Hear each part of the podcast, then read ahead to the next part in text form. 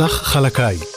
התבוננות רב-כיוונית על סוגיות גוף, נפש, רוח. עם גלית גורייני, דוקטור מוטי לוי ומומחים מתחומים שונים.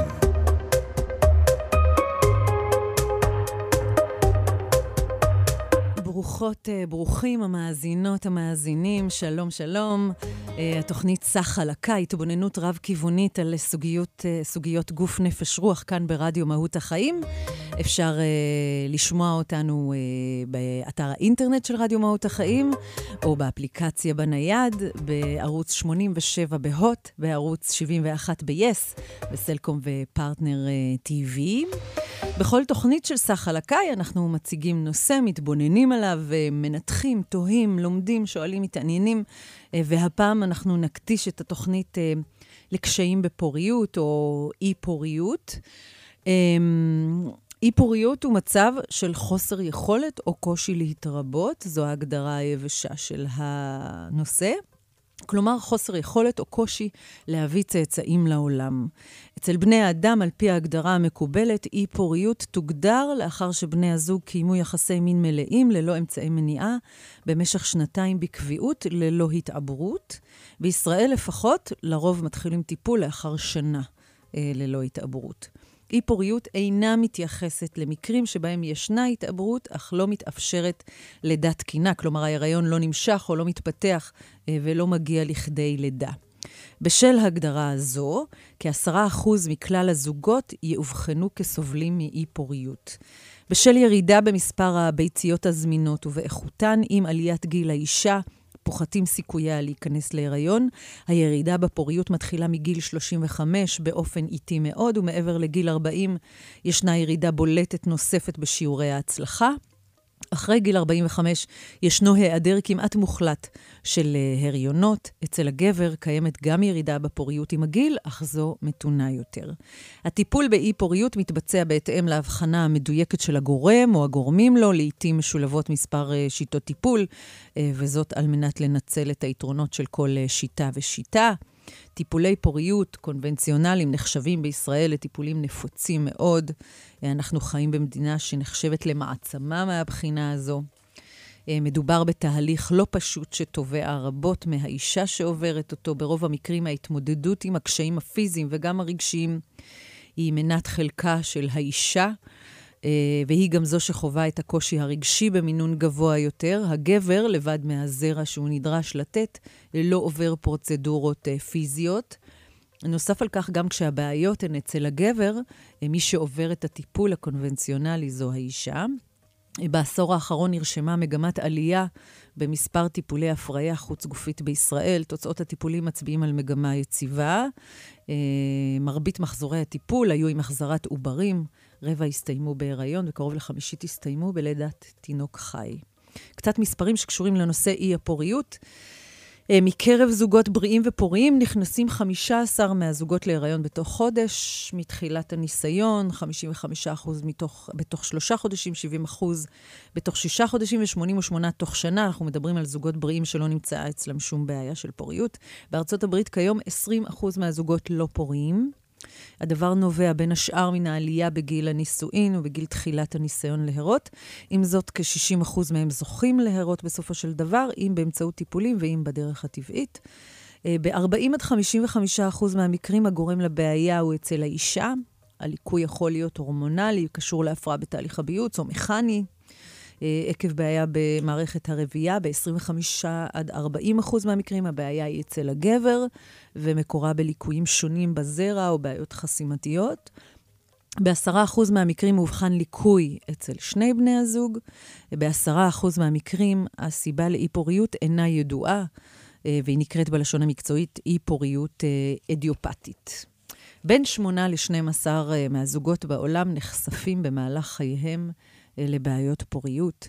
אה, באי פוריות כרוכים היבטים רגשיים רבים. זוגות אה, עשויים לסבול מרגשות עזים של כעס ותסכול, אובדן שליטה, קנאה בהריונות של אחרים, דיכאון, צער ולמתח ביחסים האישיים בין בני הזוג. בעיות פוריות גברית, יותר מנשית, נתפסת בחברה כמבישה ומובילה להסתרה, הן על ידי הגברים עצמם והן על ידי הממסד הרפואי. בגדול מדובר בנושא מאוד רגיש וטעון ומורכב, הן בגלל שכאן בישראל, אה, בכל אופן, נושא הילודה הוא גדול מאוד אה, וחשוב מאוד בעיני רוב האנשים, וגם אם לא מסכימים עם ההדרה הזו של אה, הבאת ילדים לעולם, זה מאוד משפיע ברמה התת-מודעת, ברמה של התגובות מהסביבה. וגם בגלל הקושי הנפשי באמת של נשים וגברים שהם אינם מצליחים להגיע להיות הורים, שזה אינסטינקט שקיים מאוד חזק אצל רוב האנשים, כולנו נהיה מאוד אה, רגישים אה, לכל מה שקורה. אה, איתי באולפן, חברות וחברים מכובדים, דוקטור מוטי לוי, הרופא הראשי של רשת מרפאות רפואה משלימה של קופת חולים כללית. שלום מוטי. שלום, שלום. אה, עדנה זילברמן, בעלת תואר שני בביולוגיה, מטפלת ברפואה סינית, הומאופתיה, Recall Healing ומורה ל Theta Healing. שלום עדנה. שלום רב. ורבית עוז הדן דסקל, מטפלת בדיקור סיני, מומחית לטיפול בנשים, גינקולוגיה ומרצה בנושאי הרפואה הסינית במרפאות כללית רפואה משלימה. היי רבית. היי, היי. היי, ותודה רבה גם לגידית, גיתית פרלמוטר, על הטיפול והליטוף והליטוש הטכני. סך הלקאי, אה, אנחנו כאן ברדיו מהות החיים, אה, ואנחנו מדברים היום אה, על אי-פוריות, גם אצל נשים, גם אצל גברים. נתחיל עם מוטי. כן. מאיפה נתחיל, מוטי? וואו, זה, זה נושא ענק. כן. והסיבות הן מרובות. אני אנסה להיכנס, להקיף את זה עד כמה שניתן, זה לא פשוט. אז נתחיל עם זה שבעצם הסביבה שלנו הופכת להיות יותר ויותר רעילה. Okay. כן, זה אוקיי. נשמע קצת נורא, אבל זה לא רעילות שהורגת אותנו באופן מיידי, אבל היא פוגעת לנו בכוחות החיים.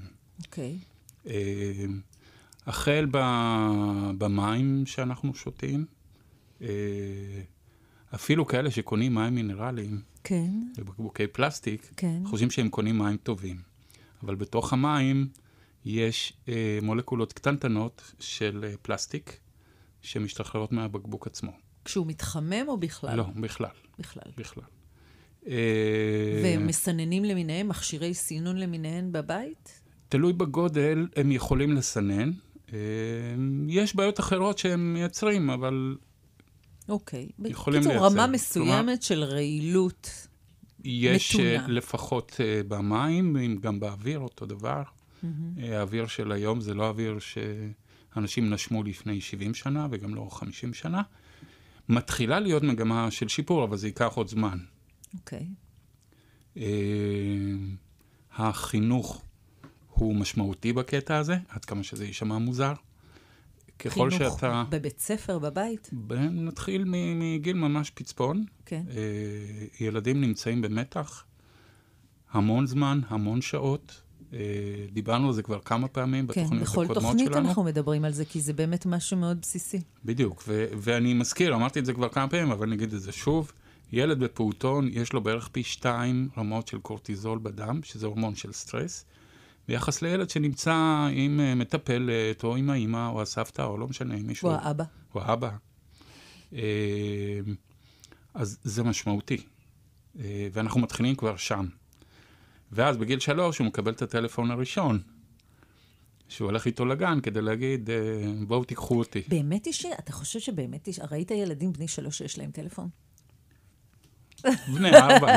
טאבלט אולי, אבל טאבלט כן. לא, דרך אגב, יש אצלי ילדים שמגיעים למרפאה בגיל אה, שנתיים פלוס, שכבר יודעים לתפעל את הטלפון. והם כן. כועסים כעס אימים אם לא עולה להם הסרטון שהם רוצים. אה, כי זה גיל שעוד אתה לא יכול אה, להתמודד עם, אה, עם תסכול. תסכול. כן. והאימא עומדת מולי ומורטת שערות בשביל להעלות מהר את הסרטון שלא עולה, כדי שנוכל להמשיך לדבר. אז בקיצור, זה מתחיל מפה, והחשיפה למסכים. והמזון, שכשאת נכנסת לסופרמרקט ישראלי, את מוצאת, אני חושב, זה לפחות ש... חמישה או עשרה מדפים של חטיפים כן. אה, מכל הסוגים, אני חושב שאנחנו ממש... זה רק המלוחים. ב top. זה רק המלוחים. אנחנו ב top של המגוון אה, ש, ש, של כמות החטיפים. כן, אנחנו אלופים בזה. הזמינה. כן. אתה רואה ילדים אה, בני שמונה חודשים מסתובבים עם חטיף בוטנים שנוזל להם מהפה. וכן הלאה וכן הלאה, ותאסוף את כל הדברים האלה ביחד. אבל אתה מגיע למצב שבו בעצם כוחות החיים שלנו נמצאים בסטרס תמידי כל דקה וכל רגע, אה, והכוחות וה, האלה הם בעצם מכלים את, ה, את התהליכים שבסופו של דבר באים לידי ביטוי בגדילה, ב, ברבייה, בנינוחות, ביכולת לעכל מזון, באלרגיות, אה, בצליאק, ברגישות לגלוטן. בכל דבר ועניין. סיבות ש. של דברים שלא היו פה לפני 30 ו-40 שנה ו-50 שנה. ו, ועוד ראיה זה בכלל העולם של הדבורים, כי הדבורים הם סוג של אה, חרקים שהם מאוד מאוד רגישים לאטמוספירה הכללית, ואנחנו רואים שהאוכלוסייה של הדבורים באזורים מסוימים בעולם פשוט נכחדת. לא ידעתי את זה. אה, זה נושא מרתק בפני עצמו. אני רושמת, תוכנית על דבורים. יש לי רשימה ארוכה ארוכה, זה ייקח לנו שנתיים שלוש, אבל אנחנו נכסה בסוף את הכל. אוקיי. okay. אז, אז למעשה כשאנחנו מסתכלים על כל זה, ואם נמשיך הלאה לכיתה א', אה, שכבר יש לך בשבוע ארבעה בחנים בשבוע, אסור לקרוא לזה מבחנים, כן? אז, אז ארבעה בחנים בשבוע, והילד מגיע הביתה ויש לו ים של שיעורים שההורים עושים בשבילו. בקיצור... סטרס, סטרס, סטרס. נכון, כן. והסטרס הזה לא נגמר. והוא פוגע בעצם במצב הבריאותי של הבן אדם. נכון, ואנחנו רואים, אה, אצל גברים יותר קל לראות את זה, כי אתה פשוט סופר כמה זרעונים יש. ואתה כן. רואה שיש ירידה ב-20 שנה האחרונות, עצומה, בעשרות אחוזים. אה, וזה מציב אותנו במצב מאוד בעייתי, שאומר לאנושות, תתעוררו. אתם עוד מעט תגיעו להכחדה עצמית, כמו מה שקורה לדבורים, זה צריך להיזהר. אוקיי. Okay. עכשיו, כשאנחנו מסתכלים על אדם, עכשיו נלך למשהו קצת יותר אה, אה, תיאורטי, נקרא לזה ככה, okay. אוקיי. מודל. זה נקרא המודל של האדם התלת-מערכתי. אז כשאנחנו מסתכלים על אדם, אנחנו יכולים להגיד שהוא בנוי משלוש אה, מערכות דומיננטיות. יש את המערכת העצבית-חושית, שהיא בעצם המערכת שנותנת לנו את האינפורמציה של מה שמגיע מהעולם החיצון, יש בה את מערכת העצבים, היא כל כולה בראש, למעט חוש המישוש, אה, והיא קשורה לתהליכים שהם יותר פסיביים, תהליכים של קור, כי הראש שלנו לא אוהב חום. אתה רואה אנשים מסתובבים בקור של החורף, לבושים עם מעילים עבים, אבל הראש נהנה מהאוויר הצח. אה, זה פן אחד, והפן השני זה מערכת העיכול, הרבייה והגפיים. ששם בעצם מתבצעים תהליכים של תנועה, של הזנה, של חימום של הגוף, אה, של אה, בנייה של תהליכים, שם כל הזמן תהליכים אנבוליים של בנייה, כמו מה שקורה בכבד למשל. אה, אז זה הקצה השני. באמצע יש לנו את הלב והריאות, שמנסים לאזן בין שני הכתבים. סליחה. ועכשיו אנחנו מגיעים למצב של מה קורה היום. כשאנחנו מסתכלים על ילד, אז הילד היום נמצא כמעט באפס תנועה. קצת תנועה בגן, אחר כך הוא בא הביתה, ואז הוא יושב מול המסך, או שהוא מתעסק בכל מיני עניינים בבית, אם הבית ממש מודע כן. ואומר אין מסכים. אז הוא עושה כל מיני עבודות יד, דברים כאלה נחמדים, אה, שזה או טוב. קורא, כן, או קורא. או קורא. אה, אבל כשאתה שואל את ההורים, כמה זמן ילד בתנועה? אז הוא אומר, הוא בגן, הוא בתנועה בגן. כן. וזה לא מספיק. אנחנו יודעים שילד בן חמש בערך זקוק ביום בערך ל-32 קילומטר, כדי למלא את כמות התנועה שהוא זקוק לה, כמו שהוא זקוק ל-2,500-3,000 קלוריות ביום, אז הוא זקוק גם ל-32 קילומטר של תנועה. כן. אם הוא לא עושה את זה, האיזון בין הקוטב העליון לקוטב התחתון מתחיל להשתבש. אוקיי. ואז הוא מגיע לבית ספר ומתחיל הלחץ של הלימודים, ואין זמן, צריך להכין המון עבודות והמון שיעורי בית. אה, ופעם היה, היו בבתי הספר, לפחות כשאני הייתי תלמיד, עברו המון שנים מאז. אבל היה שיעור ריתמיקה, והיה שיעור של אה, רקמה, ושיעור של אה, בישול, כן. ו- ומלאכת יד, ועוד כל מיני דברים, שהיום בעצם נמחקו מה, מהקוריקולום. אז אתה אומר שהתנועתיות של הילדים היא הולכת ופוחתת. נכון. וזה גורם לבעיות בסופו של דבר באיברי הרבייה בין השאר. כן. כן. כן. אוקיי. זה גם גורם לעייפות מאוד קשה אצל הילדים. אתה רואה המון ילדים שאין להם כוח לזוז, אה, אז מתחילים היום לעשות טיולים שאין בהם כמעט תנועה. האוטובוס בא, מביא אותך לאיזה מקום, כן. אתה יוצא החוצה, אה, מסתובב עשר דקות וחוזר ל... לרכב. כן. אה, תצפית. כן, יורדים עכשיו, לתצפית. שוב, אם אנחנו חוזרים אחורה קצת לגילאים שלי, אז קודם כל אוטו לא היה כל כך אה, נפוץ, אז היית הולך לחברים, לא היית צריך שיניעו אותך. היית הולך לבית הספר גם ארבעה קילומטר כדי להגיע אליו, זה לא סוף העולם.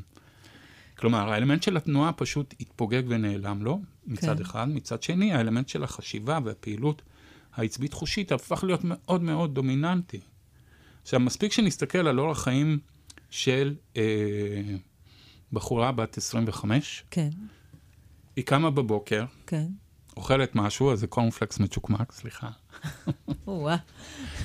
יוצאת החוצה, כן, קורנפלקס בלי מצ'וקמק. אוכלת קורנפלקס, נכבד את בחירתה ברגע זה. כן, או הוא, או הגבר, זה לא משנה. הם, שניהם זה אותו דבר, כן. כי, כי אצל הגבר רואים את זה יותר בקלות, את הפגיעה. כן.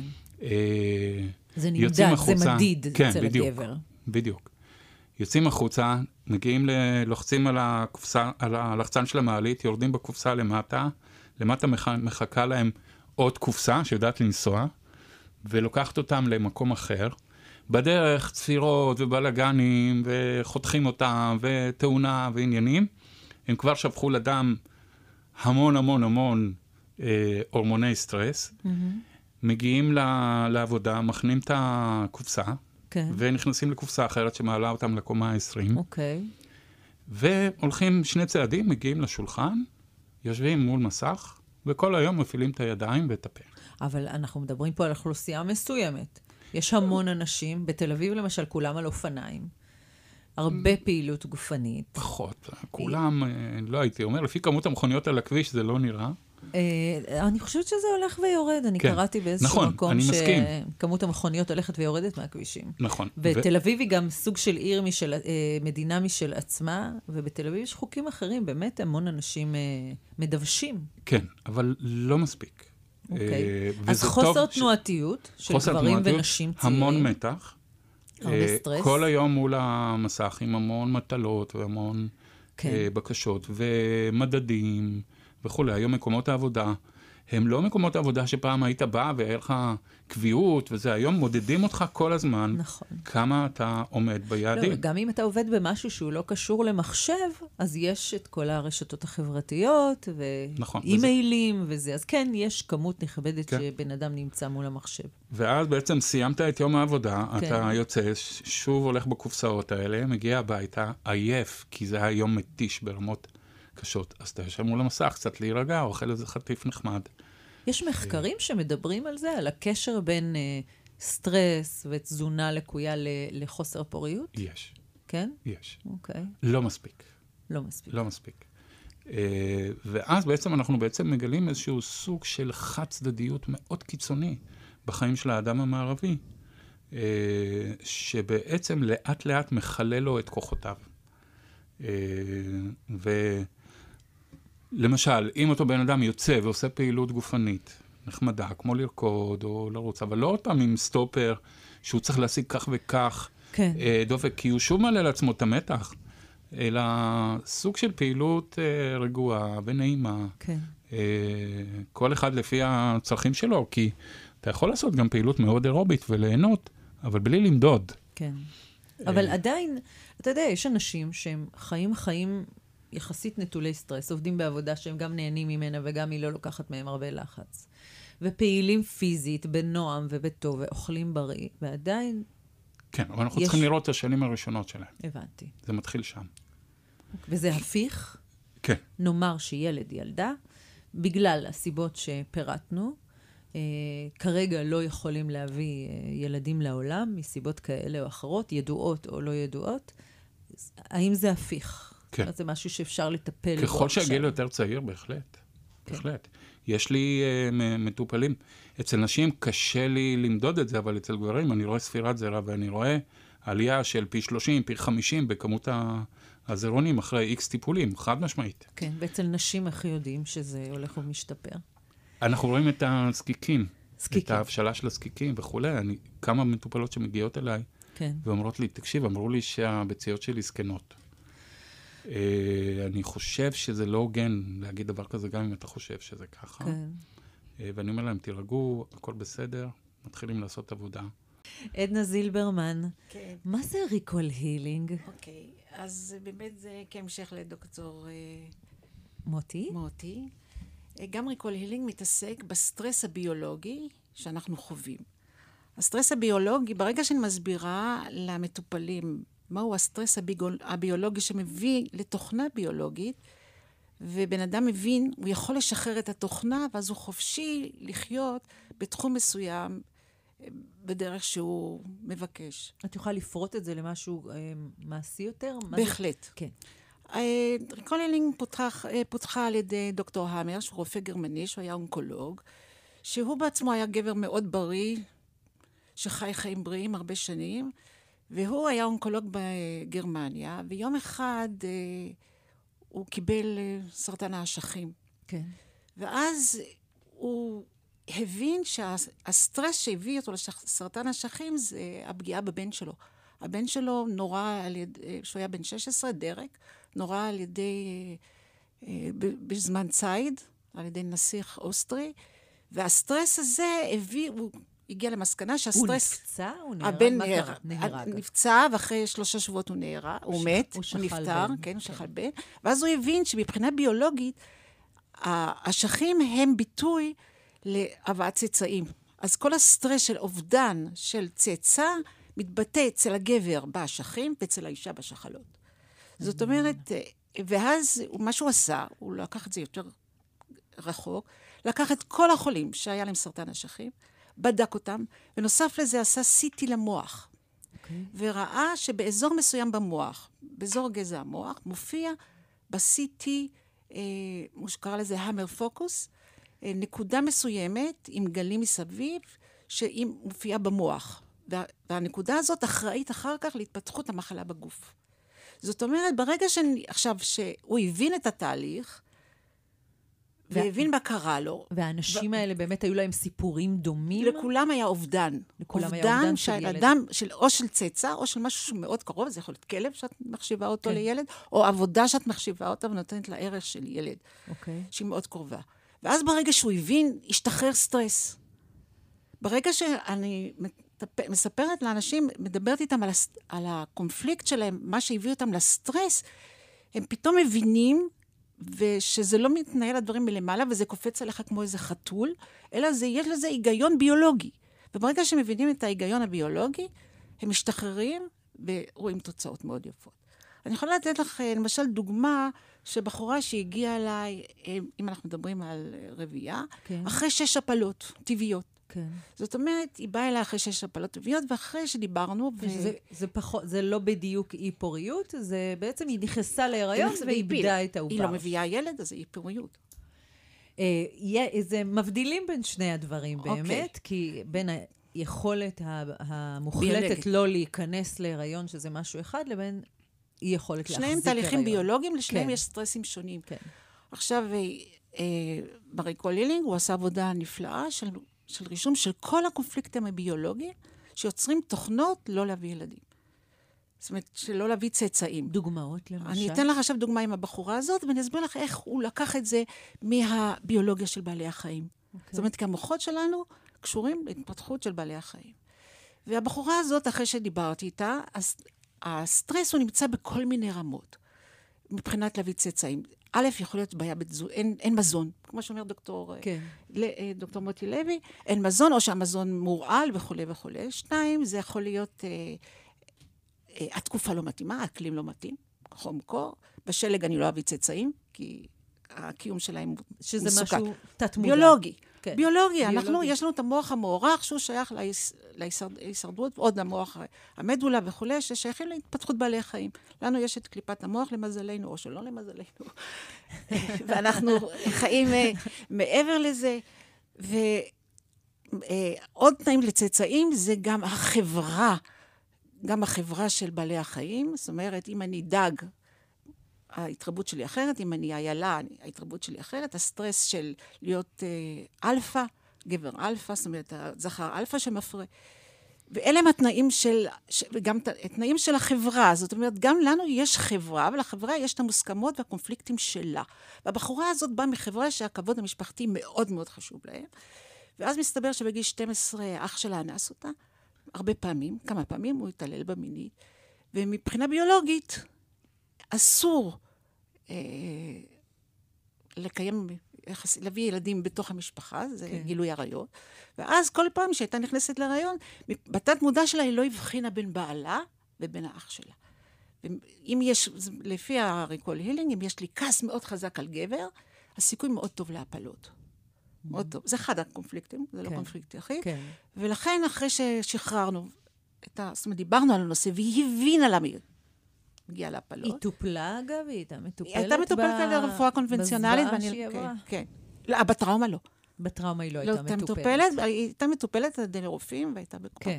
זאת אומרת, הטיפול הקונבנציונלי, שאני לא מתערבת, וכל כן. הכבוד להם, ו... כן. כן. לא ניכנס לא לזה. לא ניכנס לזה, כי צריך מומחיות, ויש לנו מומחים בנושא הזה, יותר ממני.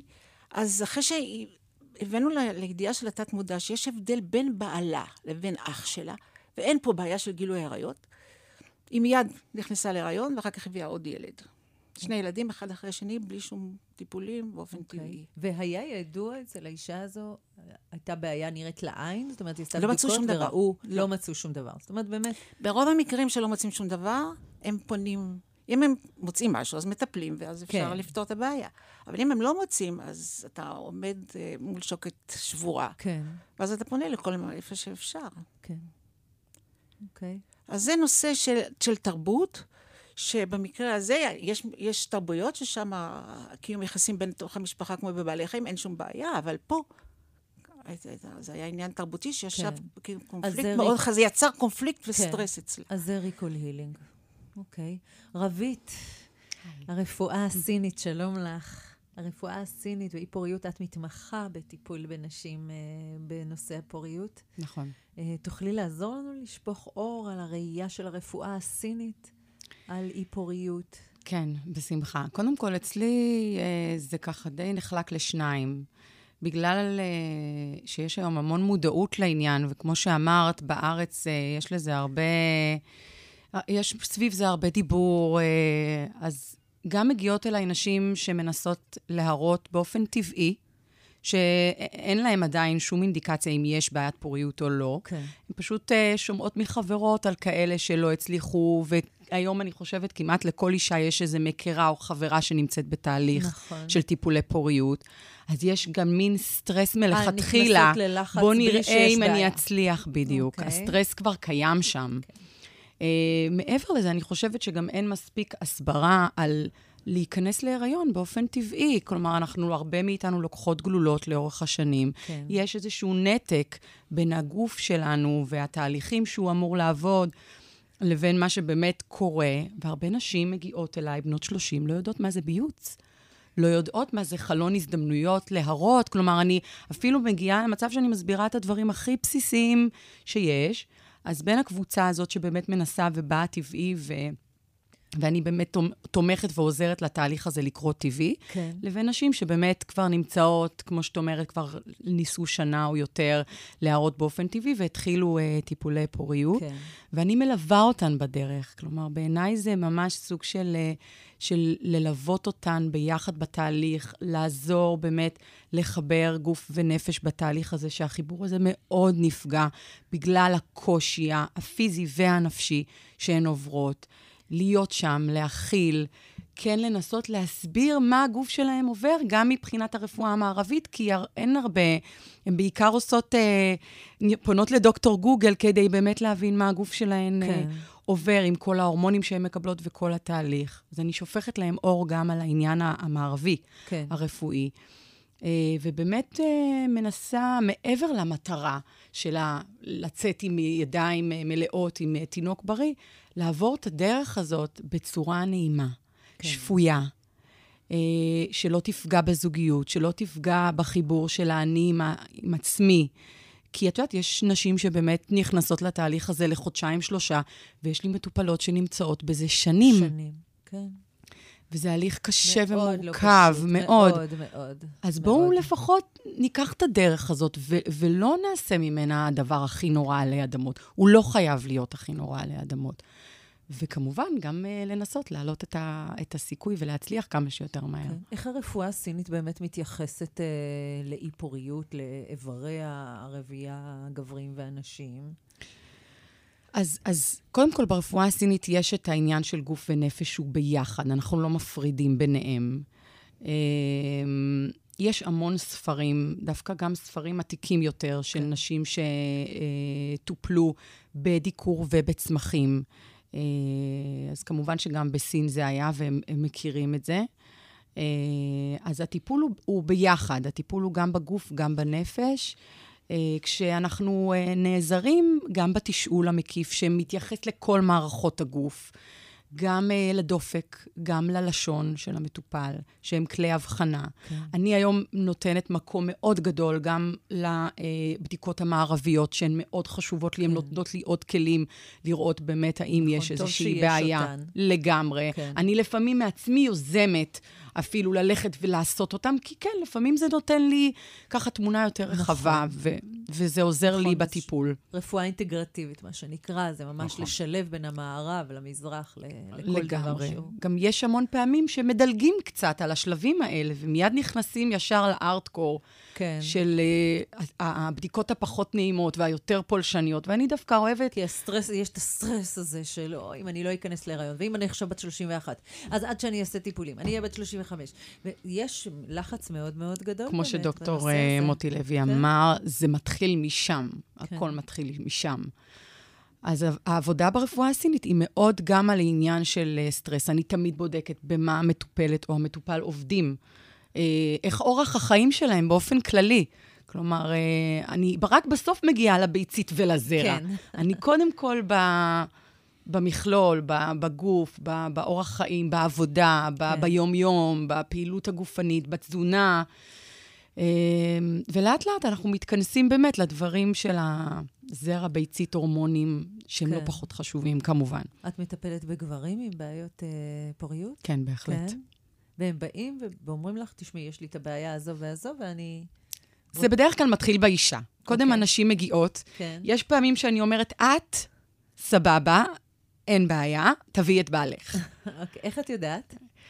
Uh, הרבה פעמים אני פשוט מבקשת בדיקות זרע, כן. אם כבר אנחנו נמצאים זאת אומרת, בתהליך. אנחנו מדברים על זוגות שלא נכנסים להיריון וטרם עשו בדיקות, ואת עוזרת להם בעצם להגיע למקור ה... אוקיי. אני גם מתשאלת אותה על בן הזוג שלה, כמובן. אז לאחרונה היה לי זוג אה, מקסים שהגיע, שהיא הגיעה לטיפול אצלי, אחרי שהיא לא הצליחה להראות בפעם השנייה. יש לה ילדה בת ארבע אה, בהיריון טבעי, ונורא ניסיתי להבין מה היה אז, לפני חמש שנים. ו- והסתבר לי שאצל בעלה יש פערים מאוד מאוד גדולים בין המציאות שלו היום לפני ארבע שנים.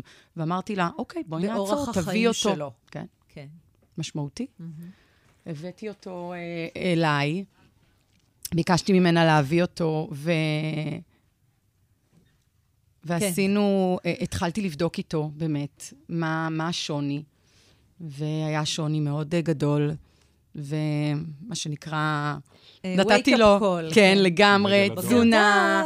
ותוספים, ואתה עושה ספורט, ואתה נע כן. כך וכך זמן ביום, ו... כן. וזה קרה.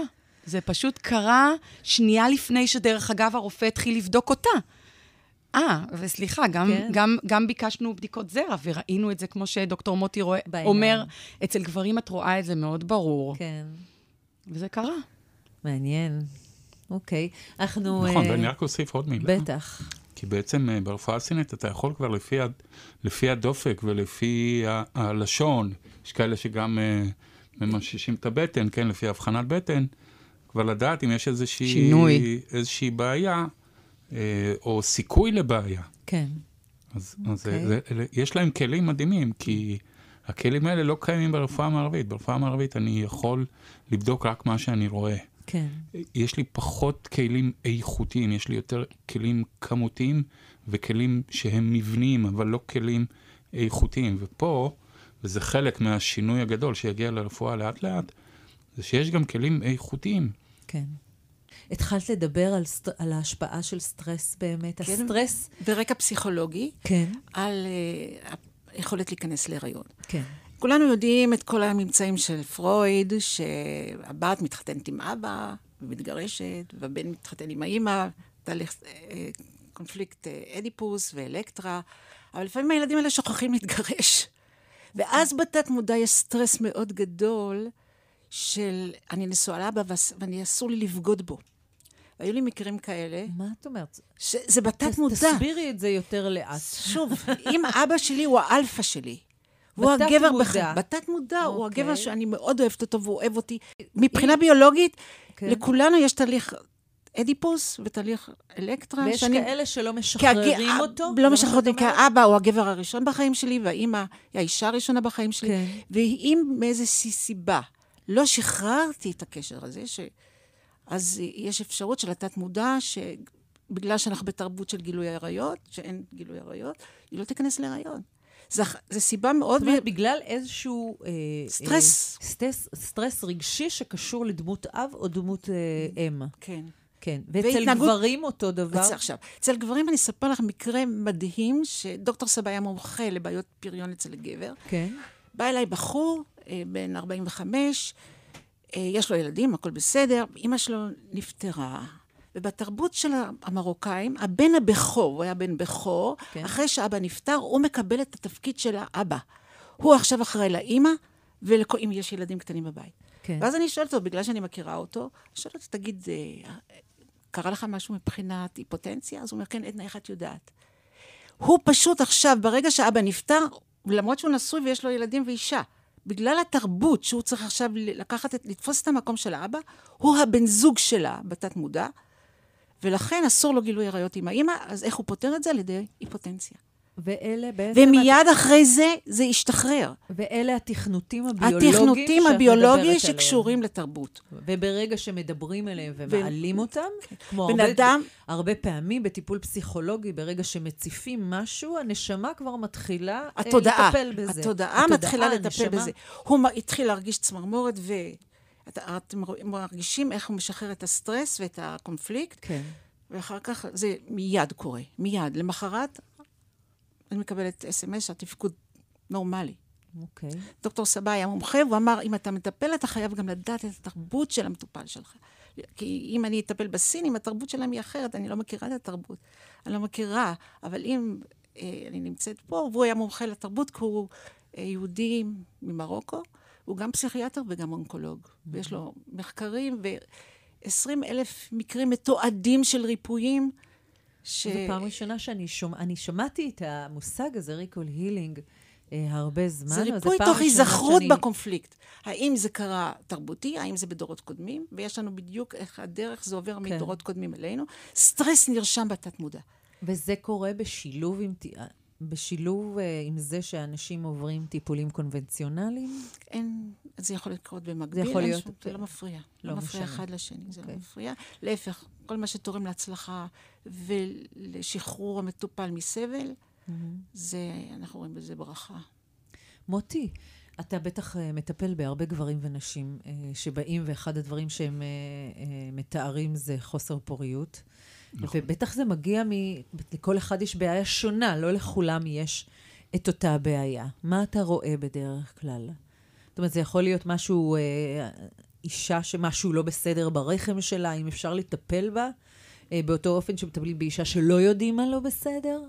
תראי, אם זו בעיה מבנית, אין לי, אם זו בעיה מבנית, אין לי הרבה מה לעשות. כן, כלומר, פה אני חייב אה, פעולה כירורגית כדי לפתוח את החצוצרות, למשל. כן. אה, אבל אה, רוב המקרים שמגיעים אליי הם, הם לא מקרים של בעיה מבנית. כלומר, זהו, כל... דברים של ביציות למשל. יש כאלה שמישהי שמגיעה ויש לה בעיה ב, ב, כן. אז- בביציות, ויש מישהי שהכל לכאורה נראה בסדר. אז אני מניחה שהטיפול בהן הוא לא אותו הטיפול. נכון, במקרה שאנחנו יודעים שכן יש בעיה בביציות, אז יש אה, אה, חומרים מסוימים שאפשר לתת כדי לשפר.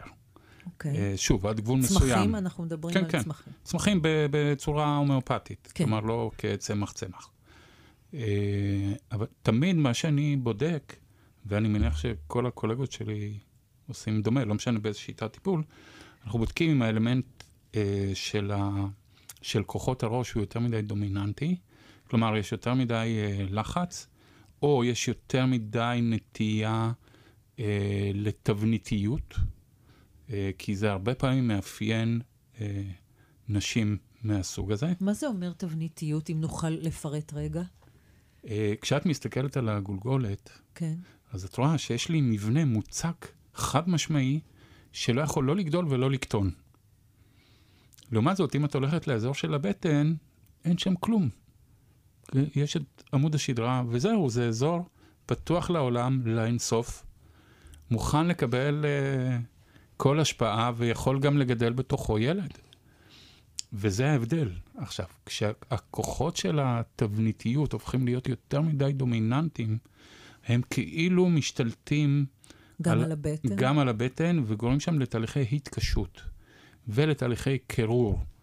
כן, אני יודע שזה נשמע לא מובן בשפה הקונבנציונלית, אבל כשהאזור של הרבייה הוא קר מדי, אז כאילו אותו עובר בפוטנציה, כן. שכבר יש הפריה, יש ביצית מופרע, היא מגיעה, היא מופרית, היא מגיעה, כן.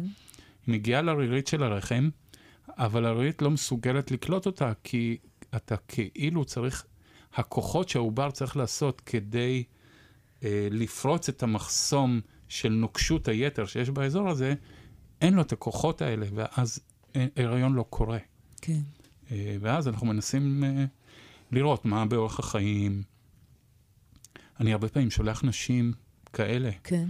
אה, לעסוק באומנות, לעסוק בשירה, כי כן. האלמנט האומנותי אה, מנתק את, ה, את הכוחות התבניתיות האלה שבאים מהראש ופולשים כלפי מטה, וזה ממתן את זה.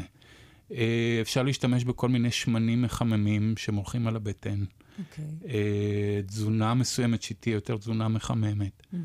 פעילות uh, גופנית, אני מאוד אוהב להמליץ על ריקוד, כי, okay. כן. כי בריקוד יש אלמנט ריתמי, שאין אותו בסתם לרוץ בפארק. כן, דיברנו גם על זה הרבה כן. פעמים באמת, על כמה הריקוד הוא חיוני. נכון. לגוף ולנפש. ואני גם בודק את uh, בן הזוג. כלומר, מה, מה קורה שם מה בעין? מה אתה בודק אצל בן הזוג? שוב, איך, איך המבנה הנפשי שלו, איך המבנה הפיזי-נפשי שלו, כי המבנה הפיזי הוא הרבה פעמים הביטוי של התהליכים הפנימיים. אוקיי. Okay. אז uh, אני, כשאני רואה מבנה מסוים, אני יודע כבר מה התהליכים הפנימיים שקורים אצלו, ואז אנחנו צריכים לעבוד כדי לשנות את התהליכים האלה, uh, ולתת להם יותר זרימה, יותר חופש, יותר פעילות uh, uh, ריתמית ופחות פעילות מובנית. עכשיו, באים זוג, או באה אישה, אתה מבקש לראות את בן הזוג? כשזה מתאפשר, כן.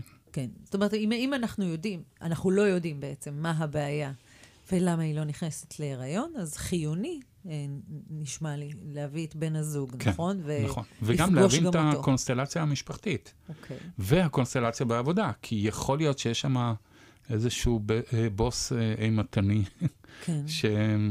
מציק, או סתם חברה לעבודה שכל הזמן עוקצת ומציקה. ו... או אורח חיים פשוט היסטרי. או אורח חיים, שלו. אה, בדיוק, מאוד אינטנסיבי, שזה מובן מאליו. כן. אז כל הדברים האלה ביחד צריכים להיכנס לתוך השקלול הטיפולי.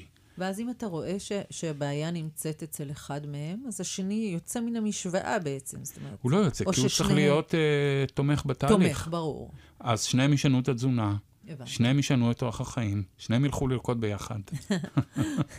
כי אם לא, זה לא עובד. אתה עושה לי חשק לרקוד. ואנחנו, ואנחנו צריכים להישאר כן, פה, אי אפשר. וכמובן, אני גם ממליץ להם על uh, טיפולים כמו ביו-פידבק. Uh, כשאתה פוגש uh, אנשים לחוצים, הם חייבים לעשות ביו-פידבק. uh, כדי לרכוש כלים להתמודד עם הלחץ. כן. להיות לחוצים בצורה יותר יעילה. כן, לא, זה לא... בעצם לפוגג את הלחץ, כי, כי מה את עושה בביו-פידבק? אני שם חיישן קטן על האצבע, שמודד את הלחות. כן, אז זה מה שאני אומרת, הבן אדם מלמד את עצמו בדיוק. להיות פחות לחוץ, אבל באותם התנאים שהוא חי נכון, בהם. נכון. זאת אומרת, אם אנחנו מדברים על תנאים שאי אפשר לשנות אותם. נכון, בדיוק. וטיפולי מגע, יש להם הרבה פעמים השפעה מדהימה. כי כשילד לא מקבל מגע, והילדים של היום לא מקבלים מגע, ולא יעזור לכל ההורים שאומרים שהם כן, הם לא מקבלים מספיק מגע, אז הם גדלים עם חסך מסוים. עכשיו, יש לנו, בגוף יש לנו 12 חושים. יש לנו ארבעה חושים תחתונים. החוש התחתון והבסיסי ביותר זה חוש המגע. כשילד נולד, תארי לך שבשנה הראשונה הוא יכול להגיע עד למיליון פעולות של מציצה. אני יודעת את זה. זה חוש המגע. אני יודעת את זה, יש לי שאריות מזה, אני יודעת. אז זה חוש המגע, זה חלק מחוש המגע. הוא זקוק כל הזמן שיגעו בו. עכשיו, ככל שאני נוגע בילד, ודיברנו על זה פעם בתוכנית על, אה, על החרדות, כן. אז אני בעצם בונה לו בסיס מוצק שלתוכו הוא יכול לגור. על זה גם מבוסס... ואז החרדה לא, לא תוכל להיכנס לבית הזה. עיקרון הרצף, הרבה ממנו מבוסס על זה שיל... שהורים ישנים עם הילדים שלהם. נכון. ואז נמצאים במגע ובקרבה כן. פיזית כל והוא הזמן. גם במנסה, הוא במנסה. כן. את רואה את זה בצורה מדהימה, זה הולך ונעלם. אבל אצל הקהילה האתיופית שבאה לארץ, כן.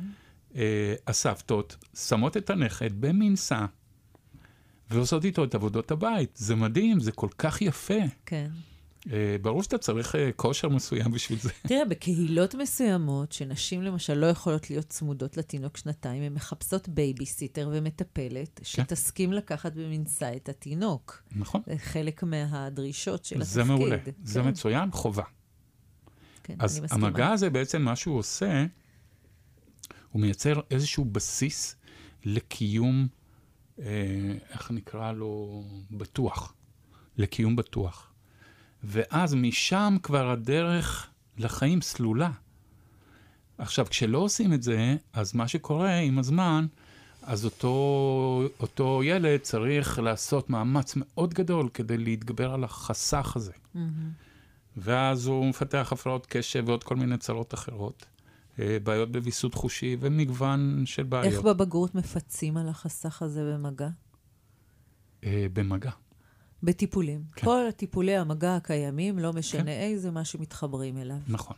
אוקיי, ו- כמה שיותר ואת רואה מגע. שיש היום נהירה של אנשים לטיפולי מגע, יש להם צורך אמיתי בטיפולי מגע, וזה לא משנה איזה סוג של טיפול מגע זה יהיה. כן. אנחנו דיברנו אז, אתה זוכר, בתוכנית של הפרעת קשב, דיברנו על הניסוי הזה שעשו על בני נוער תיכוניסטים, נכון. שעשו להם מסאז' פעם בשבוע, כן, רבע שעה בסך הכל. רבע שעה בשבוע, וראו איך... אה, שיפור של 70 אחוז. שיפור של 70 הקשבה, אחוז נכון? ביכולת ההקשבה. כן, מדהים. מדהים. כן. אז עכשיו, נשים כאלה שבאות אליי, או גברים, לא משנה. ויש להם חסך במגע. כן, ו- בילדות. ואפשר לזהות את זה לפי המבנה הנפשי של אותו בן אדם. אה, אני מיד מפנה אותם לטיפולי מגע. כן, אם זה רפלקסולוגיה, אם זה שיאצו, אם זה טווינה, יש כל מיני. כן. אה, וגם פה צריך לראות איזה טיפול מתאים יותר. אבל זה עושה שינוי עצום. ואם אתה עושה את הטיפולי מגע האלה בסמיכות לטיפולי IVF, הסיכוי שה-IVF ייקלט גדל, כי האישה לא מגיעה בלחץ. עכשיו, כשהיא לא בלחץ, הרחם לא עובר, לא עובר את תהליך של קירור, את מבינה? כן, ואז יש יכולת לקלוט. הבנתי. כן. שוב, זה קשה להסביר את זה לאדם זה שבא מרכך, מדיסציפלינה מרכך את מערבית. הנוקשות. כן. כן. קשה להסביר את זה כשאתה בא מדיסציפלינה מערבית, כי ה- המילים האלה לא קיימות בטקסטבוק של גינקולוגיה. אבל בגלל זה אנחנו באמת עושים את, ה, את נכון. התוכנית הזו. והיופי זה כמה לשלב את שיותר הכל מידע, ביחד. לתת לאנשים את המידע, שידעו שיש כל מיני אפשרויות, כל בחירה שהם בוחרים, זה בסדר, נכון. אה, ועדיף כן. שיבחרו ואין באמת בצורה לשלב. מושכלת. אין כן, בעיה לשלב. אין בעיה לשלב, בדיוק. אנשים תמיד חושבים שאם הולכים לטיפול לא קונבנציונלי, הם צריכים להפסיק את כל התרופות נגד הכאבים ואת התרופות של הזה. אה, וזה לא נכון, אפשר לשלב. כולם יודעים היום, אני חושבת גם ברפואה המערבית מתחילים להכניס לבתי החולים רפואה משלימה, רפואה סינית.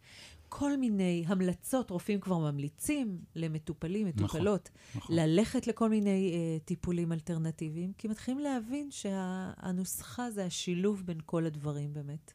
נכון. כן. ולראות את האדם שעומד מאחורי המצב הזה, כן. שנקרא אי-פוריות. ראייה הוליסטית כן, של, כל, של סך חלקיו. נכון. כי זאת נקודת מפתח. כן. כי אני בטוח שאצל שתיכן אתן רואות כל אדם בצורה כל כך שונה. לגמרי. והוא מקבל גם טיפול באופן שמתאים ספציפית עבורו. כן. את מטפלת, אה, רבית, אה, כמעט רק בנשים אה, עם ענייני פוריות, או... לא, כל- בעיקר, אני חושבת, בעיקר. זה הפכה להיות סוג של התמחות שלך. כן, כן, זה לגמרי זה. איזה כן. דברים מעניינים אה, ראית, שאת חושבת שיכולים להועיל למי שמקשיב, מי שמקשיבה?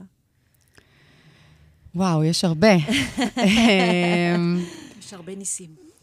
יש הרבה, יש הרבה... איזה הר- מזל שיש ניסים. אה, יש הרבה דברים טובים. כן.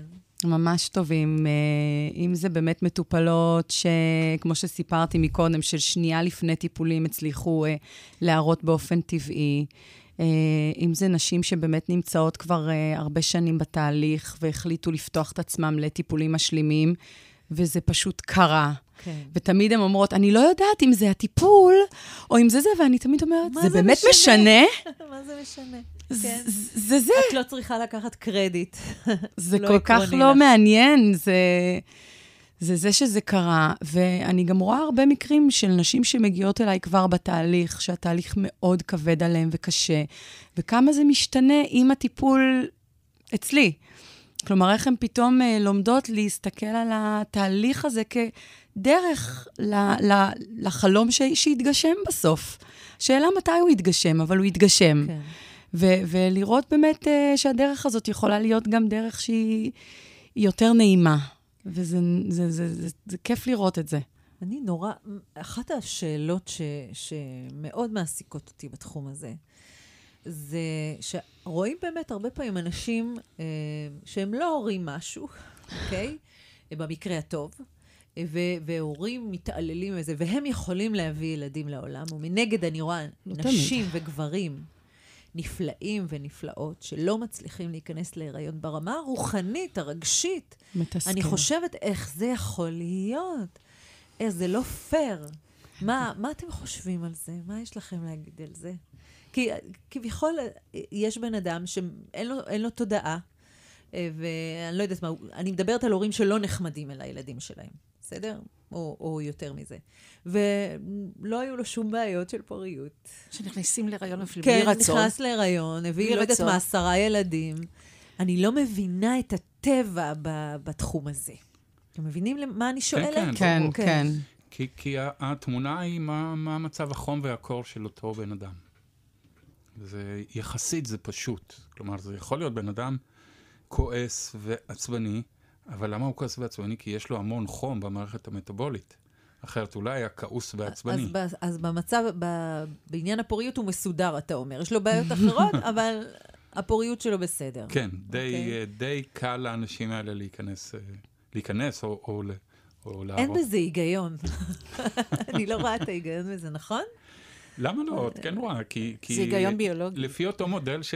שהצגנו קודם, אה, כשאתה כועס, אבל אתה לא מבטא את הכעס, אז מי משתלט פה? האלמנט המבני, האלמנט של הראש. כן. כלומר, הוא אומר, תקשיב, עכשיו לא משתלם לך לכעוס, תשתוק. אה, וזה עושה את התקיעות הזאת ואת הקור וזה, הזה. בדיוק, זה מייצר את התהליך הזה של התבניתיות יתר. עכשיו, יהיו כאלה שגם לא יוציאו מילה, שמא הם יפגעו בבן אדם שנמצא כן. מולם, וזה כבר עודף של תבניתיות לעומת אחד אחר, שפשוט הכל אה, יוצא החוצה בלי, בלי הרבה אה, עכבות. מעניין. אז אנחנו רואים בעצם את, ה, את התהליך הזה, כן. והאדם המודרני נדרש ממנו להיות אדם מתורבת. אדם מתורבת זה אדם שהוא עומד תחת כללים מסוימים. כן, יש לו גם שליטה לכעס יש מלאה. יחסי ציבור מאוד גרועים. כן.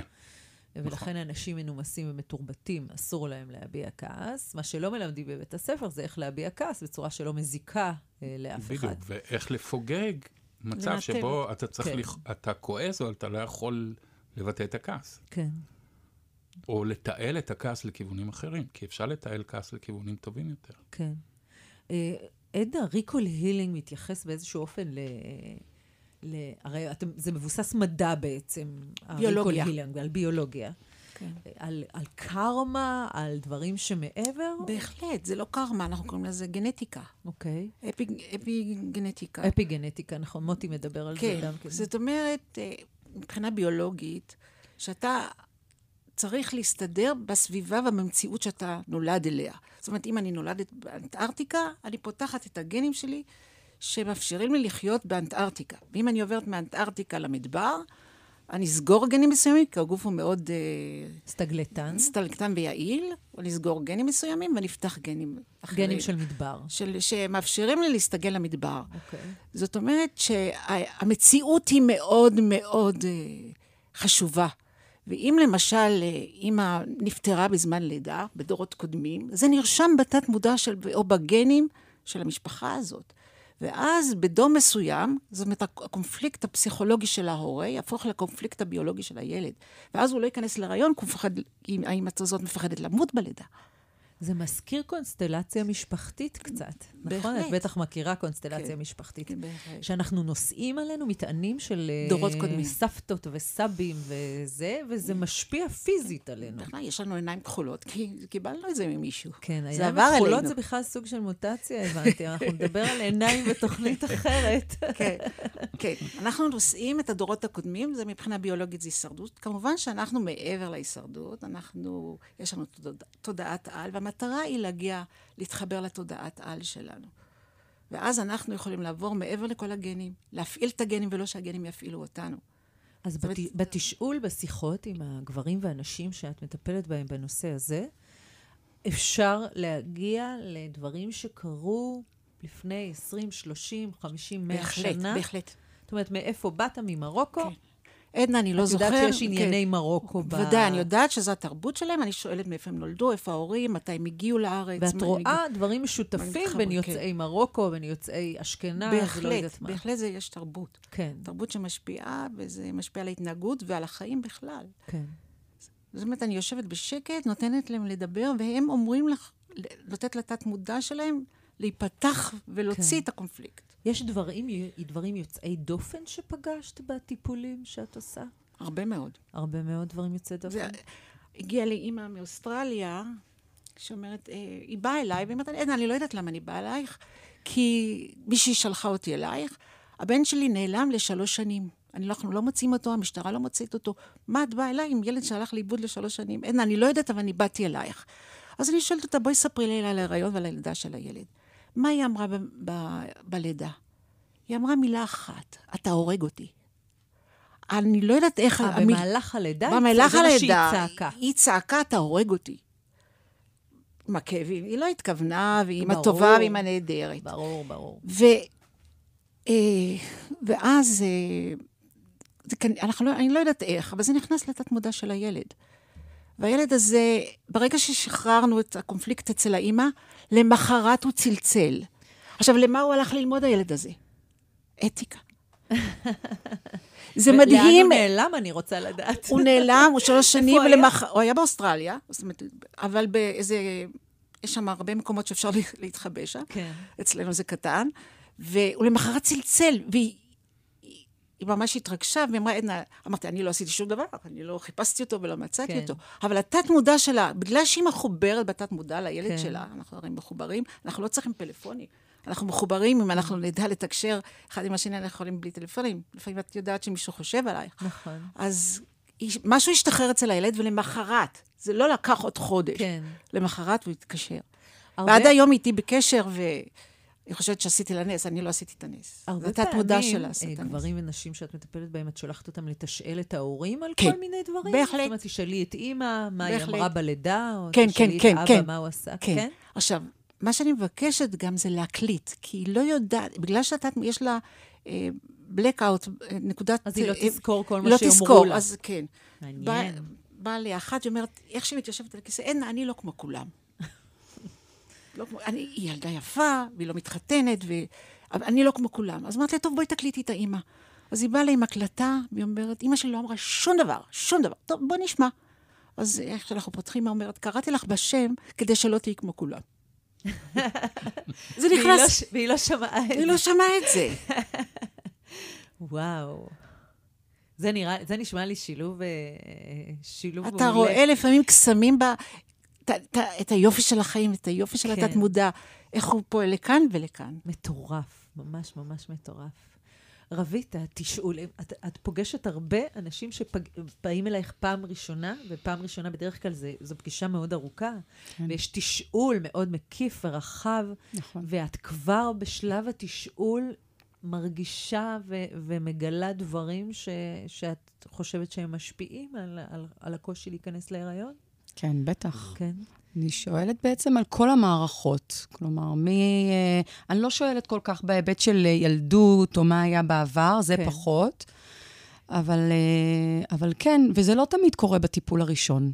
לפעמים גם אני צריכה קצת להכיר את הבן אדם שעומד מולי, ואני כן ככה משקיעה ומשתדלת, אה, גם בקופת חולים וגם בקליניקה שלי, בייחוד מטופלות פוריות, שזה צורך קצת יותר לאנשים שבאים עם כאב כתף. אה, להכיר יותר לעומק, להבין באמת מי, מי עומדת מולי. ו- ו- ומה הדברים הכלליים ש... מי היא בעצם? איזה דברים את, את מוצאת בתשאולים, למשל, שיכולים לתת לך מושג על אה, אה, במה לטפל ואיך לטפל? דברים שחוזרים על עצמם. אז, אז קודם כל, הרבה עניינים, נאמר, של מערכת עיכול, שהרבה נשים לא מבינות למה את שואלת אותי, אבל אם כבר את שואלת, אז אני אספר לך שיבחנו אותי עם מאיר רגיז, ואני נורא סובלת ממערכת עיכול, ואני עם עצירויות נוראיות, ואני... ואז אני מבינה שיש שם המון תקיעות, שיש שם המון בעיה של ההתמרה של המזון. רואים את זה, דרך אגב, ברפואה הסינית בלשון. של כל האזור הזה בעצם, שבין האזור- הרגליים ל... כן, שבכלל גם כל ההזנה של הגוף לא קורית כמו שצריך. הגוף לא מוזן בצורה מאוזנת. ואז מתחילים לא לאכול, או מפחדים לאכול, או, או אפילו יש לי מטופלות שזה יצר להם הפרעות אכילה, כי הם באמת לא קיבלו... אה, אה, הסברים, איך הסברים. להתנהל עם הבעיה שלהם. בדיוק, ואז כן. הרבה פעמים אני באמת מפנה אה, לנטורופט או למישהו אחר מהתחום הזה, כדי שייתן עוד איזשהו, ככה, צד של הפאזל, לסגור עוד איזושהי פינה, ופתאום היא מגיעה מבסוטה ושמחה ש- ששינו לה את החיים והבטן לא כואבת לה, וזה כבר משהו שיכול מאוד להועיל גם לתהליכי פריון. זאת אומרת, חוסר פריון יכול להיות אפילו בעיה משנית לפעמים לבעיה יותר, אה, יותר כבדה ויותר רצינית. כן. כשאני עולה עליה במקרה או לא במקרה, זה לא במקרה. דרך, בדיוק, דרך תשאול, אה, ו- ולכן התשאול הוא מאוד מאוד חשוב. אוקיי. מוטי, אתה רוצה לדבר על זה? אה, אה, באה באה אליך מישהי עם בעיה מסוימת ומסתבר שזה מסתיר משהו גדול יותר? כן. תמיד זה ככה. תמיד זה זה ככה? נדיר שזה לא יהיה ככה. אוקיי. אז כש, כש, כשאנחנו רואים את האדם שנמצא מולנו, אז כמו שאמרנו קו- קודם, האם הוא מתובנת עם כוחות ראש מאוד דומיננטיים, כן. או להפך, הכוחות המטאבוליים שלו הם... אה, מדלדלים. הם אה, חזקים מדי או לא נשלטים מדי. כן. ואז אנחנו יכולים לראות פה ממש אה, קשת שונה של בעיות בשתי הקבוצות. אה, בואי נגיד שכשהכוחות המטאבוליים חזקים, הם לא יגיעו בגלל בעיות של אה, פריון, הם יגיעו בגלל בעיות אחרות. כאבי ראש, יתר לחץ דם, בעיות לב, דברים אחרים. אה, לעומת זאת, כשהפעילות העצבית חושית היא דומיננטית, אז אנחנו נמצא בעיות של התקשות, עד לרמה של מחלות סרטניות. אה, כאבי מפרקים, אה, הסתיידויות וכל מיני מצבים מהסוג הזה, הם מתאימים לקבוצה, לקבוצה הזו. אז בעצם זה מיד עוזר לי, נגיד, אה, לקלוט באיזה שדה קליני נמצא אותו בן אדם. אה, דרך האבחון מהסוג הזה, קל לי מאוד לזהות באיזה שדה קליני הוא נמצא. ואז בתוך זה יש לי ארבעה סוגי טיפוסים, שכל טיפוס יש לו כוחות אחרים, אה, ו- וזה נותן לי עוד איזשהו fine-tuning כדי לזהות יותר מדויק איפה הקושי של אותו בן אדם. כן. נמצא. ומפה אנחנו בעצם יכולים להגיע לאיזה המלצות אה, לתת לו. כי יש אנשים, למשל, שבשבילם ריפוי זה לעזור לבן אדם אחר. והם לא זאת יודעים את אומרת, זה. אתה מעודד אותם, אתם אומרים, אתם אמורים, בנפשכם, בגופכם, לעזור לאנשים אחרים. כן. זה מה שאתם להם לעשות. אם תעשו את זה, תרגישו יותר טוב בעצם. כן, עכשיו אנחנו בודקים מה אותו בן אדם עושה. מעניין. כמובן, תלוי... אה, אבל אם אותו בן אדם, נגיד, אה, עוסק ב- בהנהלת חשבונות ולא פוגש אנשים, אז אני כן. אומר לו, תמשיך לעסוק בהנהלת חשבונות, אבל תפגוש אנשים, תייעץ לאנשים. לעזור לאנשים אפשר ב- בהרבה ואין סוף תחומים. אה, אפשרויות. כן. אה, ו- או להתנדב. בדיוק. אז אלה כיוונים מסוימים. אה, יש אה, אנשים אחרים, למשל, שאצלם יש עודף עצום בכוחות של חום, אז אנחנו צריכים קצת לפוגג את החום הזה. אז אני משנה להם קצת את התזונה, למשל, לאכול הרבה ירקות לא מבושלים. Mm-hmm. ואז זה מרגיע שם את החום הזה, העצבנות יורדת, הכעס יורד, כל התמונה מתחילה להשתנות. כן. כי יכולה לבוא, יכול לבוא זוג, כן. שהבעל הוא יותר מדי מטאבולי, והוא אה, קצת עצבני וכועס, והאישה היא יותר, הכוחות התבניתיים, התהליכים, הם יותר דומיננטיים, ומאוד קשה החיבור הזה בין שניהם, כי הם לא מבינים כל כך אחד את השני. כן. אה, ואז כשהם מקבלים את התמונה הזו, וכל אחד מקבל את הטיפול שמתאים לו, כן. אז התמונה משתנה. וגם ה bonding המשפחתי משתנה ומשתפר. באים אליך לטיפול זוגי, מוטי? לא, זה, זה על הדרך. זה על הדרך, אתה אומר, אוקיי. שמתי לב שיש ביניכם בעיות, אז בואו כבר, אה, אתה תאכל גזר, ואת אה, תתנדבי בבית ספר לילדים עם מוגבלויות. ו... לא, מה שיפה זה שכל אחד מבין פתאום את בן הזוג, כי, כי הרי הם אוהבים אחד את השני, אחרת הם לא היו ביחד. כן, רק צריך את ה fine-tuning הזה. כן, כן, אז פשוט שמישהו יבוא מבחוץ ויגיד, הנה, תראו, תראו איזה יפים אתם כשאתם בהרמוניה מהסוג הזה. כן. אה, ואם כל אחד לוקח את זה למקום שלו, אז התמונה באמת משתנה, משתנה לטובה. כן. כי הרבה פעמים האלמנט הגופני מייצר השפעות נפשיות, אה, וזה מאוד משמעותי. אז למשל, מטופלת שקשה לה להיכנס להיריון והיא מאוד מתובנתת, כמו שאמרתי קודם, כן. אז אני אומר לה, א', לא ללכת יחפה, להתלבש כראוי, ללכת לעשות סאונות, מקלחות חמות, לאכול מזון שמחמם, אה, לצייר בצבעי מים. ראית שזה עוזר? כן. תגיד לי שראית שזה בוודאי, עוזר. בוודאי, אם לא, עובד. הייתי מפסיק לטפל בזה. וואו. טוב, זה נור... אחד הדברים, אני חושבת, הכי חשובים בתוכנית שלנו, מוטי, נכון? כן, כן. זה כן. שיש מה לעשות. אה, לא לאבד תקווה. תקווה זה מילת המפתח פה. מהות החיים. הייתי רוצה לשמוע מכל אחד מכם אה, טיפ, צידה לדרך, המלצה, משפט אה, חשוב בשביל המאזינות, המאזינים שמקשיבים, שיקחו איתם אה, הלאה בתחום הזה. מוטי? כן, זה קצת קשה לכווץ את זה למשפט ברור. אחד, אבל הנושא של תנועה ריתמית כן. הוא המפתח, ולשמור על חום גוף. נכון אמרנו שנעשה תוכנית על ריתמוס, על ריתמוסים וכמה זה חשוב? כן, נעשה. כן. ו- ומילה אחת רק על ריתמוס, כדי, כי הפעם לא דיברנו, בתוכנית הזו לא כן. דיברנו כן. על זה. כי בדרך כלל... על נשימה, אנחנו דיברנו על שאיפה ונשיפה כן. במהלך נכון, היום. זאת אומרת, אני נכון. יוצא מהבית, יוצא לעולם, חוזר אל הבית, יוצא שוב, מקצבים. נכון. כשהמקצבים okay. האלה, אתה, אתה יכול גם לעשות אותם במשרד. אתה, רגע, עוצר טלפונים, שם את הטלפון שלך על טיסה. כן.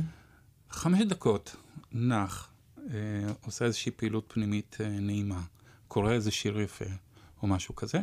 זה כבר שובר את, ה, את הריתמוס ומכניס למצב של שאיפה במקום נשיפה. בעצם סוג של הזנה עצמית. נכון. כלשהי. נכון. Okay. אוקיי. וזה, אם זה קורה פעמיים... לפחות פעמיים, שלוש ביום במהלך שעות העבודה, אז אתה די מוגן מהנזקים שהנשיפת יתר גורמת לך. כן. זה, הדבר, זה עתידי, מה שנקרא. ונשים וגברים שבימים אלו יש להם קושי להיכנס להיריון, איזה, מה אתה יכול לומר כן. להם בקצרה? אז קודם כל לעשות איזשהו טיפול ש, שמרגיע, שמוריד לחץ. כי זה בראש ובראשונה הבעיה הכי גדולה, של האנשים והגברים שנמצאים בטיפולים. כן. ברגע שהם יורידו לחץ, כל התמונה תשתנה. אה, לא, שלא ישבו עם סטופר על מתי, מתי, מתי. אה, זה נקודה אחת. נקודה שנייה, לעשות ביחד דברים טובים, שכיפים לשניהם, אה, ואין בהם שום פעילות אה, מלחיצה. או שקשורה ל... כן, לנושא הפוריות. כן, אוקיי. עדנה? אני קוראת לזה אני קוראת לזה חזרה לגן עדן. מה שהוציא אותנו מגן עדן זה השפיטה. אכלנו מעץ הדעת טוב ורע. השפיטה יוצרת קונפליקטים, יוצרת אמונות. שיפוט, את מתכוונת? השיפוט, כן. השפיטה. Okay. טוב ורע, אין טוב ואין רע, יש מה שיש. אוקיי. Okay. ושום רגשי אשמה. וברגע שמשחררים את כל, ומבינים שזה קונפליקטים ביולוגיים, כמו שאני לא אשמה שיש לי עיניים כחולות או עיניים חומות, ככה אני לא אשמה שמשהו קורה לי ב... במציאות שלי, כן. ורק המודעות ללכת מעבר לתוכנה, אה, תשחרר אותי מהמצב ותוכל להחזיר אותי לגן עדן. רבית? אז קודם כל, דוקטור אה, מוטי לוי די הוציא לי ככה את המילים מהפה. אה, הוא מוציא לכולנו את המילים מהפה לרוב. אני, אני אומרת למטופלים שלי, תזכרו שזה לצד החיים. יש את החיים שלכם, קודם כל. זה חשוב, ואני לא מורידה מהחשיבות של זה, אבל זה בא בצד. קודם כל, תחיו, תעשו לעצמכם טוב, וגם ביחד וגם בנפרד. לא לשכוח, לפעמים בדרך הקשה הזאת אתה שוכח מה אתה אוהב לעשות. כן. זה מהדברים הקטנים של ללכת לים, לשבת מול הים, ללכת יחפים. אה, אה, לנסוע לאנשהו לסוף שבוע, לעשות דברים ש, שמחממים לך את הלב ועושים לך נעים. Okay. זה אוקיי. בעיקר. אה, אז עד כאן, היינו יכולים לדבר על זה עוד הרבה שעות, אבל uh, היו לנו שעה וחצי, אני חושבת, uh, מאוד uh, מחכימים ומאוד מלמדים, uh, וגם מלאי תקווה. Uh, תודה לך, דוקטור מוטי לוי, ותודה תודה. עדנה זילברמן, ותודה לרבית עוז הדן דסקל. Uh, תודה שהייתם שותפים לתוכנית החשובה הזו. אני גלית גורעיני. אנחנו נשתמע בתוכנית הבאה של סך חלקאי כאן ברדיו מהות החיים. Uh, האזנה טובה והמשך uh, יום טוב.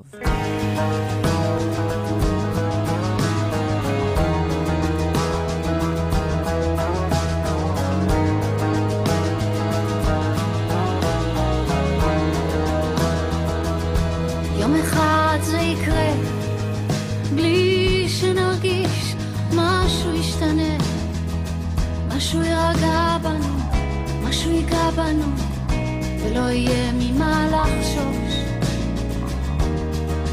וזה יבוא כמו קו חרוט על כף יד זה יבוא בטוח בעצמו.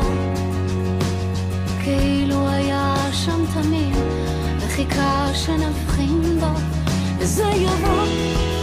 אתה תראה הידיים הקפוצות יתאחו והלב השומר לא להיפגע יפעם בקצב רגיל זה יבוא כמו שהטבע רגיל. להיות שלם עם עצמו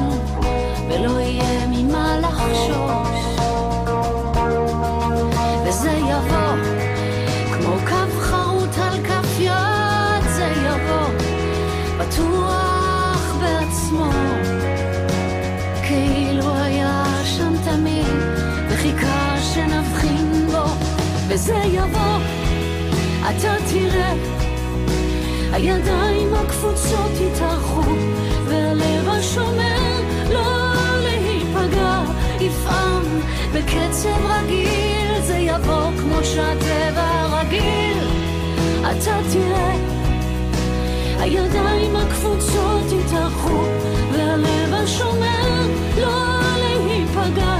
יפעם בקצב רגיל זה יבוא כמו שהטבע רגיל להיות שלם עם עצמו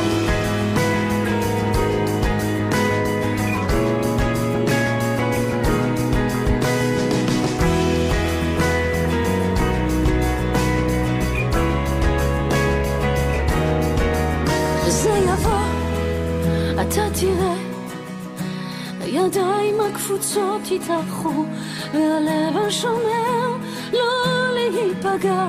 יפעם בקצב רגיל זה יבוא כמו שהטבע רגיל. אתה תראה הידיים הקפוצות יתארחו והלב השומר לא להיפגע. יפעם בקצב רגיל זה יבוא כמו שהטבע רגיל להיות שלם עם עצמו